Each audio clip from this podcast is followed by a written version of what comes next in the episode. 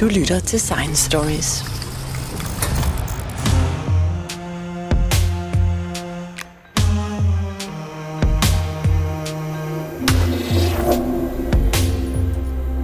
I disse dage er det 25 år siden, at Danmark for alvor blev en rumnation. Med Ørsted-satellitten, der blev sendt op fra Vandenberg-basen i USA. Og øh, vi hørte i sidste uge Per Lundahl Thomsen fortælle om hans erfaringer med hele starten på Ørsteds-projektet. Og i det her program skal vi høre Peter Davidsen fra Space Inventors fortælle om, øh, hvad der videre skete. Og jeg skal lige først høre, øh, Peter Davidsen, hvordan kom du med i det her Ørsteds-projekt? Ja, men altså der skal vi jo øh, 30 år tilbage og, og en chat øh, hvor jeg blev uddannet fra det hed engang øh, DTH, nu DTU, øh, og skulle ud og have finde mit første job. Og øh, i 93, som det 1993, var det ikke nemt at finde et arbejde, men jeg var så heldig at blive ansat på Danmarks Meteorologiske Institut, hvor jeg egentlig skulle have været til Grønland for at servicere instrumenter. Øh, men på det tidspunkt, hvor jeg blev ansat, der blev Ørsted-projektet for alvor øh, fundet på finansloven. Og øh, Danmarks Meteorologiske Institut var en del af Ørsted-projektet, hvor man skulle blandt andet bidrage med, øh, med et såkaldt partikeldetektorinstrument. Og øh, partikeldetektorinstrumentet, er øh, hovedmanden bag det, er en person, der hedder Peter Stavning, som er emeritus i dag. Øh, og øh, han spurgte så mig, om ikke det var noget, jeg kunne hjælpe med, i stedet for at tage til Grønland. Så min jobbeskrivelse blev lavet fuldstændig om, og det blev min tilgang til, til rumverdenen jeg er sådan set uddannet almindelig øh, elektronikingeniør, men ikke med rumbaggrund. Det eksisterede ikke dengang. Så du kunne have været ind i Grønland? Jeg kunne have været ind på Grønland, ja, eller i hvert fald på ture til Grønland. Så, øh, men øh, Peter Stavning og jeg, vi brugte så de næste to år på at bygge øh, det her partikelinstrument til, til Ørsted-satellitten. Og øh, ja, igennem den udvikling, så lærte jeg jo resten af projektet at kende, og herunder øh, alle de folk, der arbejdede på det, der hed CRI dengang, nu Therma. Øh, og på CRI dengang, de stod for, for den hvad kan man sige, projektledelsen af hele projektet, og det var her, øh, satellitten øh, skulle samles op i Birkerød med alle de stumper, der kom forskellige steder fra i Danmark. Og nogen har fortalt mig, at du faktisk var med til at samle stumperne. Ja, det, var, det blev så min rolle, da, da jeg var ved at være færdig med min opgave med at bygge partikelinstrumentet sammen med Peter Stavning, og havde, vi havde selv lavet det hele tegninger til det og løjet det sammen og testet osv. osv. Så blev jeg spurgt, om ikke jeg kunne tænke mig at komme til CRI og hjælpe med at, at samle satellitten rent elektrisk og sørge for, at den øh, ja, kom til at virke både hardwaremæssigt og softwaremæssigt, og det var jo en opgave, jeg ikke kunne sige nej til. Det var super spændende. Var det så også dig, der måtte samle stumperne op, da de kom til at tabe den på gulvet?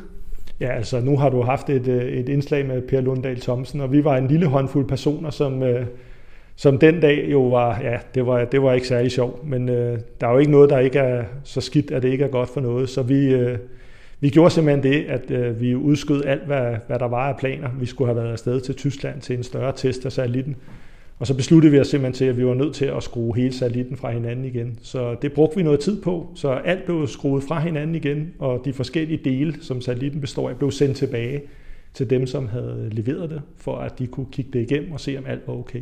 Så blev det så sendt tilbage igen til Birkerød, og så gjorde vi det hele en gang til, så samlede vi satellitten, og denne gang fik vi rettet et par fejl, øh, som vi faktisk godt kunne, øh, kunne se ikke havde noget at gøre med, at den desværre var faldet på gulvet. Men det blev jo korrigeret, og efter et halvt år var vi klar igen og kunne tage til Tyskland, noget, et stort center, der hedder IABG syd for München, hvor man kan teste satellitter af en meget stor størrelse, hvor man kan proppe dem i vakuumkammer, så det er ligesom at hænge ud i space, og man kan ryste satellitten, og man kan... Frem for alt var der også en, en øh, meget speciel institution dernede, som ligger langt ude i skoven, en træbygning, hvor man kunne lave magnetiske kalibreringer. Og det var jo meget vigtigt. Hele formålet med Ørsted-missionen var jo primært formål at måle jordens magnetfelt med en uset nøjagtighed, og for at være sikker på, at de her videnskabelige instrumenter, de målte præcis nok, så kunne man kalibrere, som det hedder, ude i den her bygning, som lå langt væk fra, hvor mennesker bor, hvor der kører tog, og hvor der ellers var alle mulige menneskeskabte magnetforstyrrelser. Hvor lang tid tog det at samle sådan en satellit? Ja, det er et godt spørgsmål. Nu ligger det jo et stykke tid tilbage, men øh, ja, det har vel taget et par uger at, at, at skrue den sammen. Øh, det, det, man gør det, at man, man, øh, man, man tager ikke og skruer alting sammen og sætter det sammen med ledninger, og så siger man, nu er salin færdig, og så tester man. Øh, man gør det, at man, man starter med, med det inderste, om jeg så må sige, og så efterhånden, som man bygger på, så tester man lidt undervejs, så man ved, at hver gang man har skruet en, nyt, en ny Lego-klods på, en ny elektrisk enhed, som det så fint hedder, så tester man lige, at den fungerer, som den skal, og så går man videre til den næste. Sørger man også for at skrive en god logbog og holder styr på, hvad det er, man har gjort, så, så det er ikke bare sådan med hovedet under armen og ud af, ud af landevejen. Man er nødt til lige at, at tage det stille og roligt, og man skal også huske på, at man har med kostbare ting at gøre. Så, øh, og når man har været ude for et større uheld en gang, så skal man jo nøde jog i spinaten en gang til. Så I var forsigtige. Men, men øh, jeg husker dig, jeg mødte dig jo for 25 år siden i Vandenberg. Og der kan jeg huske, at i også havde små tekniske problemer der. I var i hvert fald ind og rette nogle ting, mens at jeres satellit den var placeret inde i raketten. Ja, det var faktisk sådan, at, at det faktisk øh, formålet med at skulle en tur ind i raketten var faktisk ikke på grund af problemer. Det var planlagt hele tiden. Så hvis vi lige går et skridt tilbage, så, så havde vi øh, fået lov af Boeing, som var dem, der byggede Delta 2-raketten i sin tid. Den flyver desværre ikke mere. Det var altså en meget pålidelig raket. Øh, der fik vi lov til at have en ledning, en navlestreng, øh, sat fast på Ørsted øh, som sørgede for, at vi kunne øh, lade på batterierne helt op til opsendelsen, indtil få timer inden opsendelsen.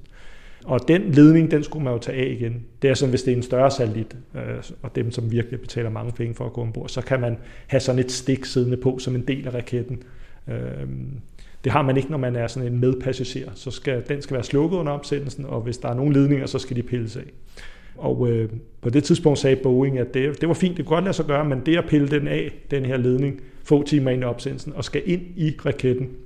Man skal forestille sig, at det, spidsen af raketten, det er ligesom en tulipanhoved, hvor bladene sådan er det, man kalder fairing, og hvis man tager dem til side, så blotter man jo så satellitten inde bagved. Og det hele var jo samlet, så kan man gå indenfor igennem en lille luge med masser af renrumsudstyr. Man ligner en helt lille astronaut, som jeg plejer at drille Andreas Mogensen med, så var jeg næsten astronaut før ham. Øh, men Boeing fortalte, at skulle den ledning tages væk, så var det helt sikkert noget, Boeing-personale skulle gøre. Det, det ville de ikke lade andre gøre. Og så bad de om at få instrukser i, hvordan de skulle gøre. Og det var sådan, at vi sagde, at det er ikke kun at fjerne den her ledning. Der skulle også sættes en lille stikprop i, en, øh, som forbinder batteriet og med resten af satellitten. Og vi fortalte, at, at hvis man ikke satte den stikprop rigtigt i, så vil Ørsted-projektet eller Ørsted-satelliten aldrig nogensinde tænde, når den forlader raketten. Og det synes de så lige pludselig var, huha, det var et stort ansvar at tage.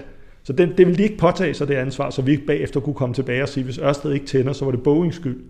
Og på den måde blev det til, at en fra CRI fik ansvaret for at få lov at gå ind i raketten, og det blev så mig.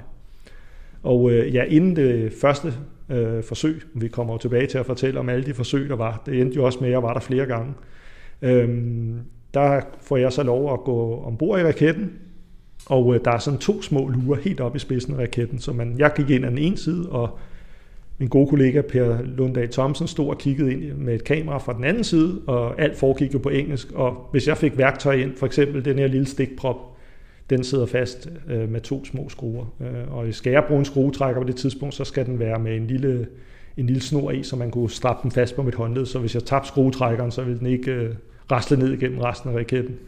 Øh, men jeg får fjernet ledningen, og jeg får, øh, så rækker Per mig den her stikprop, og jeg får sat den i og skruet fast.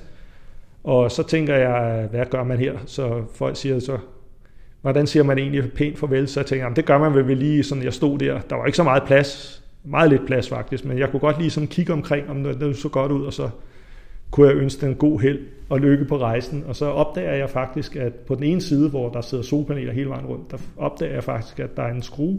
Der sidder mange skruer per solpanel, men en skrue, af en eller anden grund, som jeg ikke kan forklare i dag, så var der en skrue, som, øh, som ikke var skruet i bund, om så jeg kunne se skruehovedet stikke ud. Jeg tror, det er fordi, ej, jeg er ret sikker på, at årsagen var, at da vi skruede solpanelerne på i sin tid, så var der sådan nogle beskyttelses plexiglasplader sat uden på solpanelerne, sådan så hvis man kom med et eller andet, så stak man ikke lige en skruetrækker eller noget ind i solcellerne og ødelagde noget.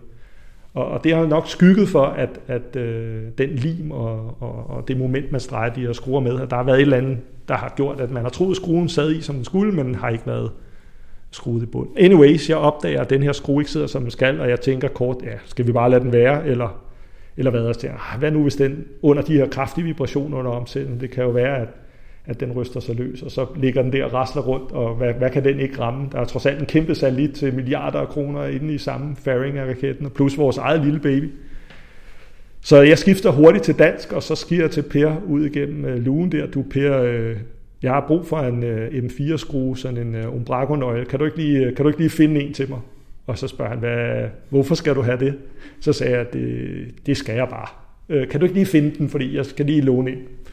Og så kommer han så tilbage med nogle brakonøgle med en lille snor i, så jeg kan få den rundt om håndledet. Og så siger jeg til ham, nu, skal vi, nu lader vi bare som om, at jeg ikke har fået skruet de der to skruer i rigtigt på den der stikprop, så jeg står bare og skruer lidt mere. Og uden nogen opdager det andre end, end jeg og Per, så, så får jeg skruet den der skrue ordentligt fast og rækker Per det, skruetrækkerne igen og, og kravler sig ud, og alt er godt, og vi smiler, og det er fint. Og så fortæller jeg selvfølgelig Per efterfølgende, at jeg havde opdaget den her skrue, men jeg kunne ikke stå der og bruge timer på at forklare ham og på engelsk, at øh, det ville se temmelig amatøragtigt ud. Så, men vi redde den. Altså, vidt jeg har hørt, øh, så var det faktisk øh, den mest avancerede og dyreste satellit, amerikanerne nogensinde havde sendt op. Så, så det, var, det var lidt af en satsning at, at lade dig skrue rundt inde i raketten. Ja, det var, det var, jeg vil sige, at når jeg tænker tilbage på det, så er det en kæmpe oplevelse. Og det, altså, som tingene er i dag, øh, med de regler, der kommer mange flere regler til øh, på amerikanske baser, og hvad du får lov i dag. Mit bedste gæt er, at jeg vil aldrig nogensinde få lov til at, at gøre det i dag. Så den oplevelse, den, den glemmer jeg aldrig. Det var, ja, det var kæmpe. Men dramaet var slet ikke slut, fordi vi skulle have sendt den der raket op. Og vi stod der øh, på Vandenberg-basen og ventede på nedtællingen. Og der havde man så inde i planetariet, der havde man 300 vigtige folk, altså øh, ministre og den slags. Der stod jeg så med en øh, direkte satellitforbindelse, som, som også kostede en bondegård dengang og øh, fulgte nedtællingen, og, øh, og så kunne jeg høre, at, øh, at det så ikke godt ud, fordi at ministeren blev ved med at tale og tale, og vi var så kun et par minutter til, at nu skulle raketten gå op.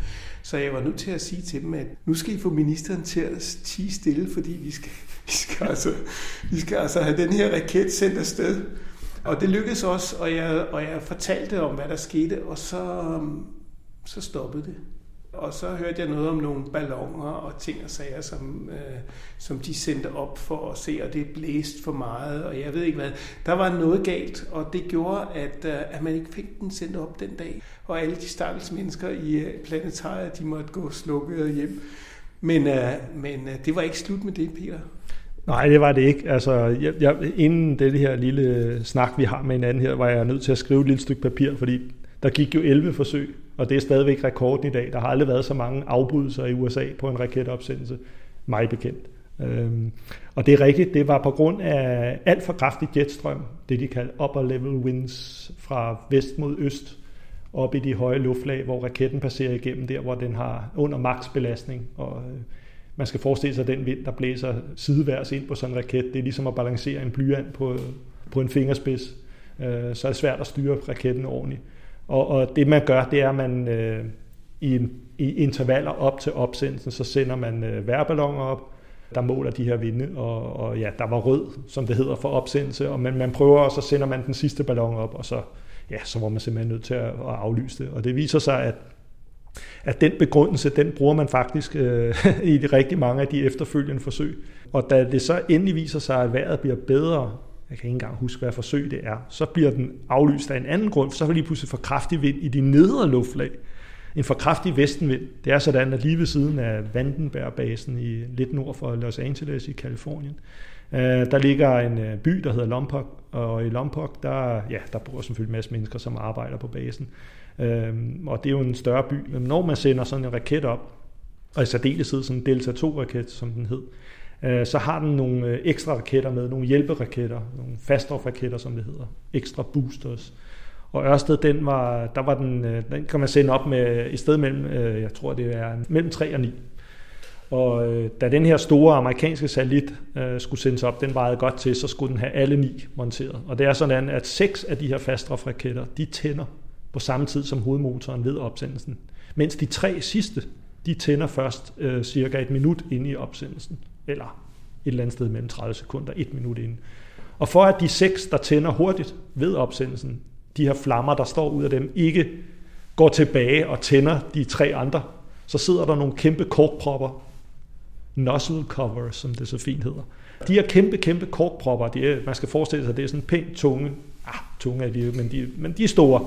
Og, og det man var bange for, det er, at når de popper ud, om man så må sige, så vil den her vestenvind tage de her tre propper og føre dem pænt ind over, ind over Lompok, og så kunne de falde ned i hovedet på folk, der boede i den by. Så, øh, så der var man også nødt til at, at aflyse opsendelsen. Der var to episoder ud af de 11, inden den blev sendt op, som var særdeles dramatiske. Det var i det 8. forsøg, der talte man faktisk ned til få sekunder inden opsendelsen. Og jeg stod øh, et par kilometer væk ude noget, der hedder øh, Lompok øh, Golfklub, hvor man havde et godt udsyn til, til opsendelsesrampen. Og øh, jeg tænkte, nu kan det jo ikke gå galt. Nu, nu, nu bliver den sendt afsted. Og så talte man ned, og så stod vi der og kiggede. Vi masse mennesker, der står og kigger. På det tidspunkt skal jeg lige sige, at alle de der fine gæster, de var rejst hjem til Danmark, og hvor de ellers kom fra, så vi var ikke ret mange tilbage. Så jeg stod sammen med en hel del lokale. Og så står vi der og kigger, og vi er klar, og så sker der bare ingenting. Og så tænker man, okay, nu eksploderer hele skidtet. Øh, men så viser det sig, at der har været et ventilproblem, der har gjort, at man har lukket ned, og det er der så procedurer for, øh, så alting foregår i god orden. Vi var to tilbage på basen, jeg og projektleder Peter Hofmeier. Og Peter Hofmeier, han sad inde i kontrolrummet.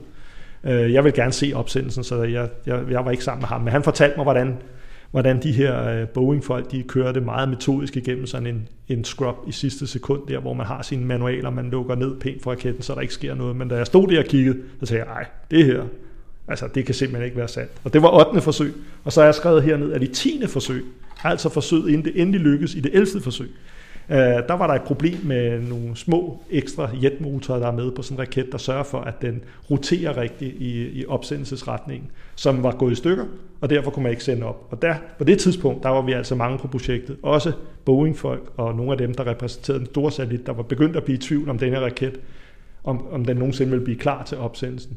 Og jeg kan fortælle som den sidste ting, at den dag, den endelig ryger op på 11. forsøg, i timerne inden der har man opdaget, at der, ligges, øh, der ligger brændstof ud af hovedmotoren, ud af, den, ud af den store dyse, og det er man selvfølgelig ikke så glad for. Det viser sig, at, at når man har påfyldt og taget brændstof ud igen, og gjort det mange gange, så, så sker der en vis korrosion.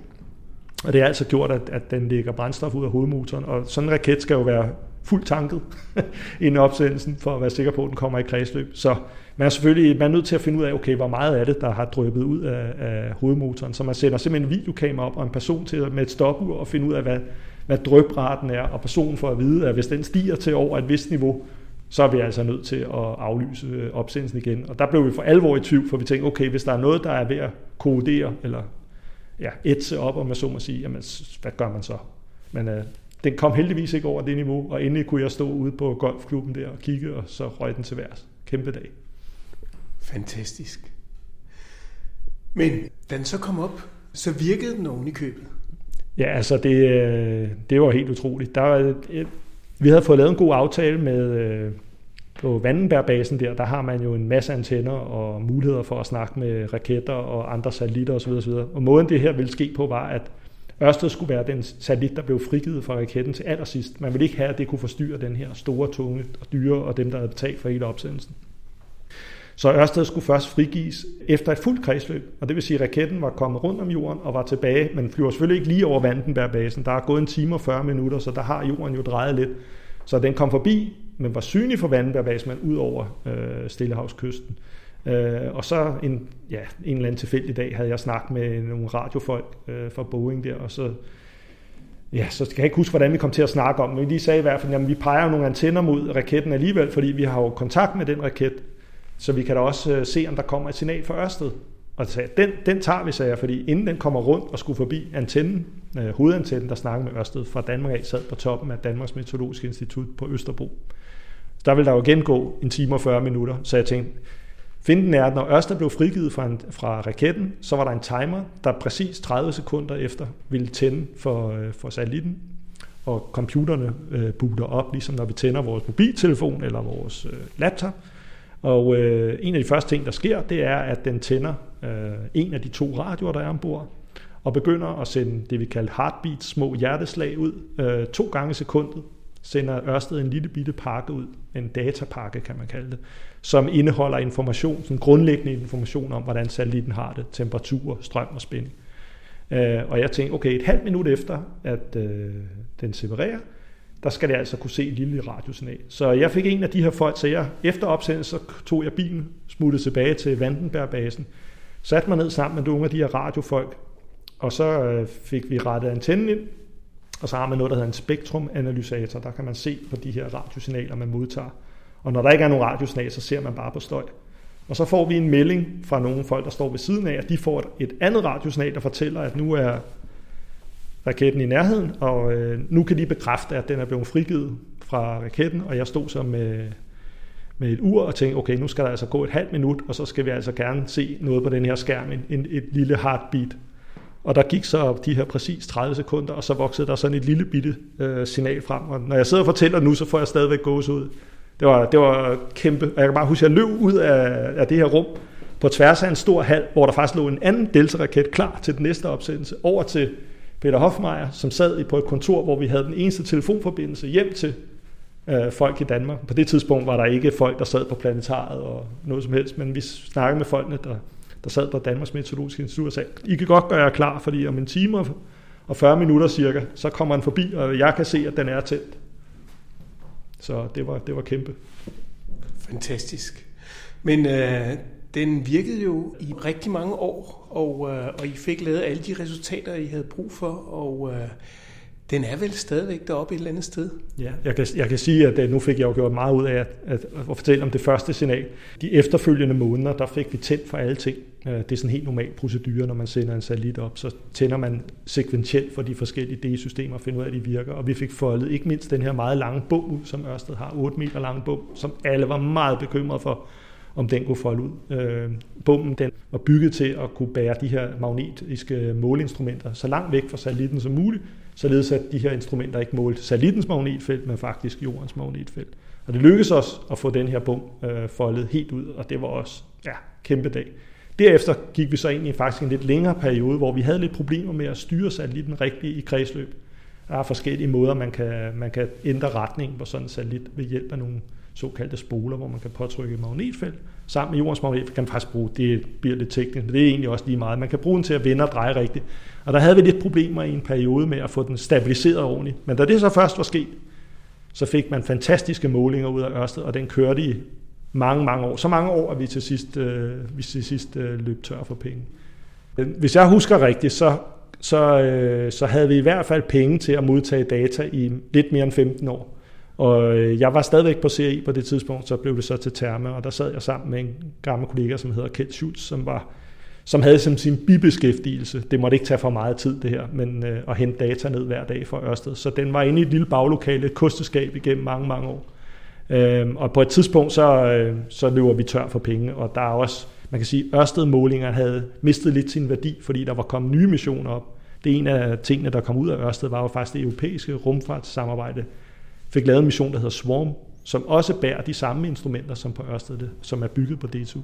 Øhm, og det er tre satellitter, som er blevet sendt op sidenhen og leverer masservis af resultater. Så det, det, det strandede lidt der. Så til sidst besluttede man sig for, at nu, nu lukker vi ned. Men, men, men satellitten fungerede fint på det tidspunkt.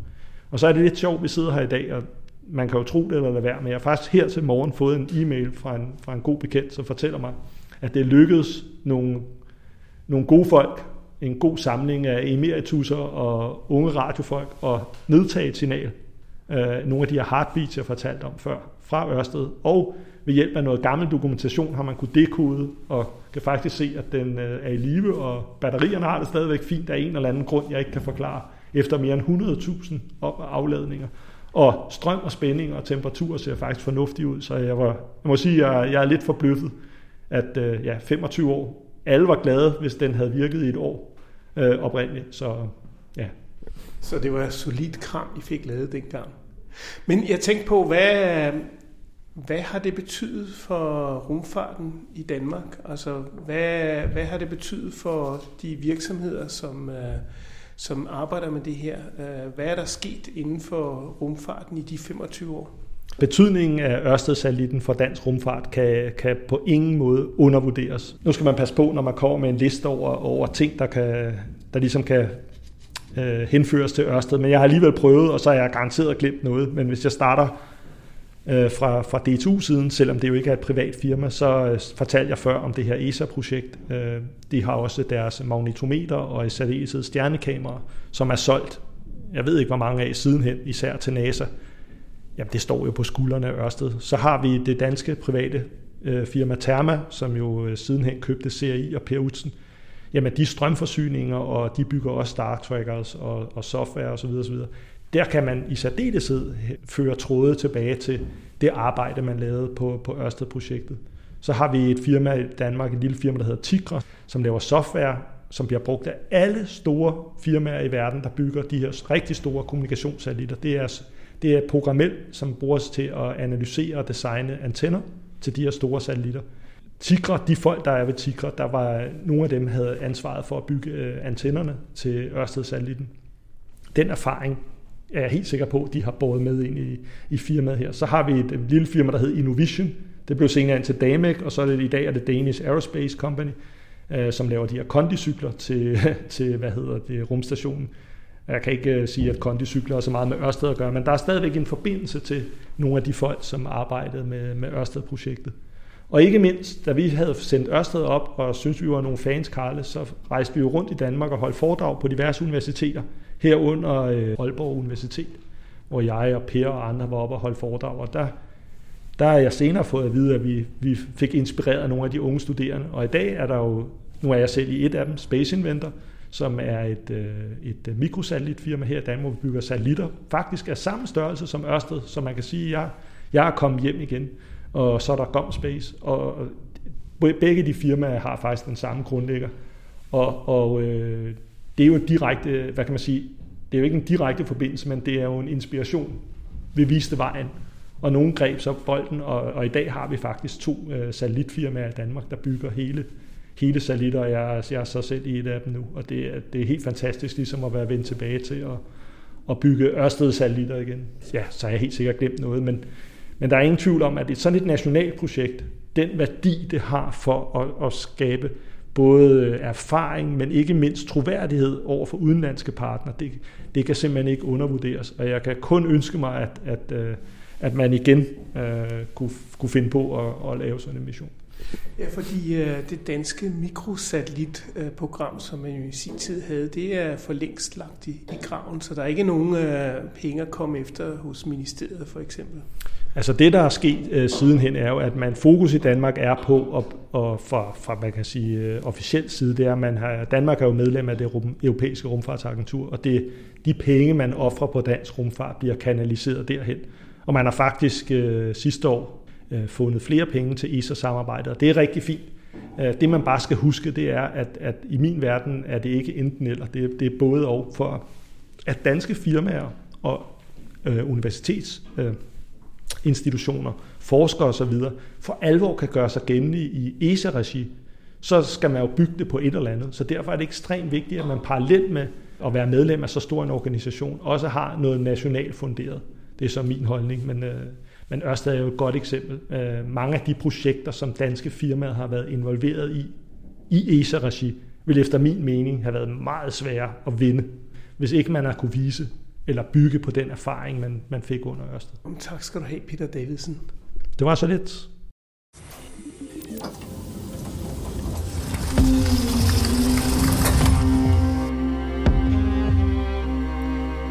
Hvis du holder af historier om videnskab, kan du finde Science Stories hjemmeside på www.sciencestories.dk. Vi er på sociale medier som Facebook, Instagram, LinkedIn og Twitter – du kan finde vores podcast på de fleste podcastudbydere som SoundCloud, Podimo, Spotify, og hvis du bruger Apple Podcast, må du meget gerne give os en rating og en kommentar, så andre også kan finde os. Jeg hedder Jens Deget, og dette var Science Stories.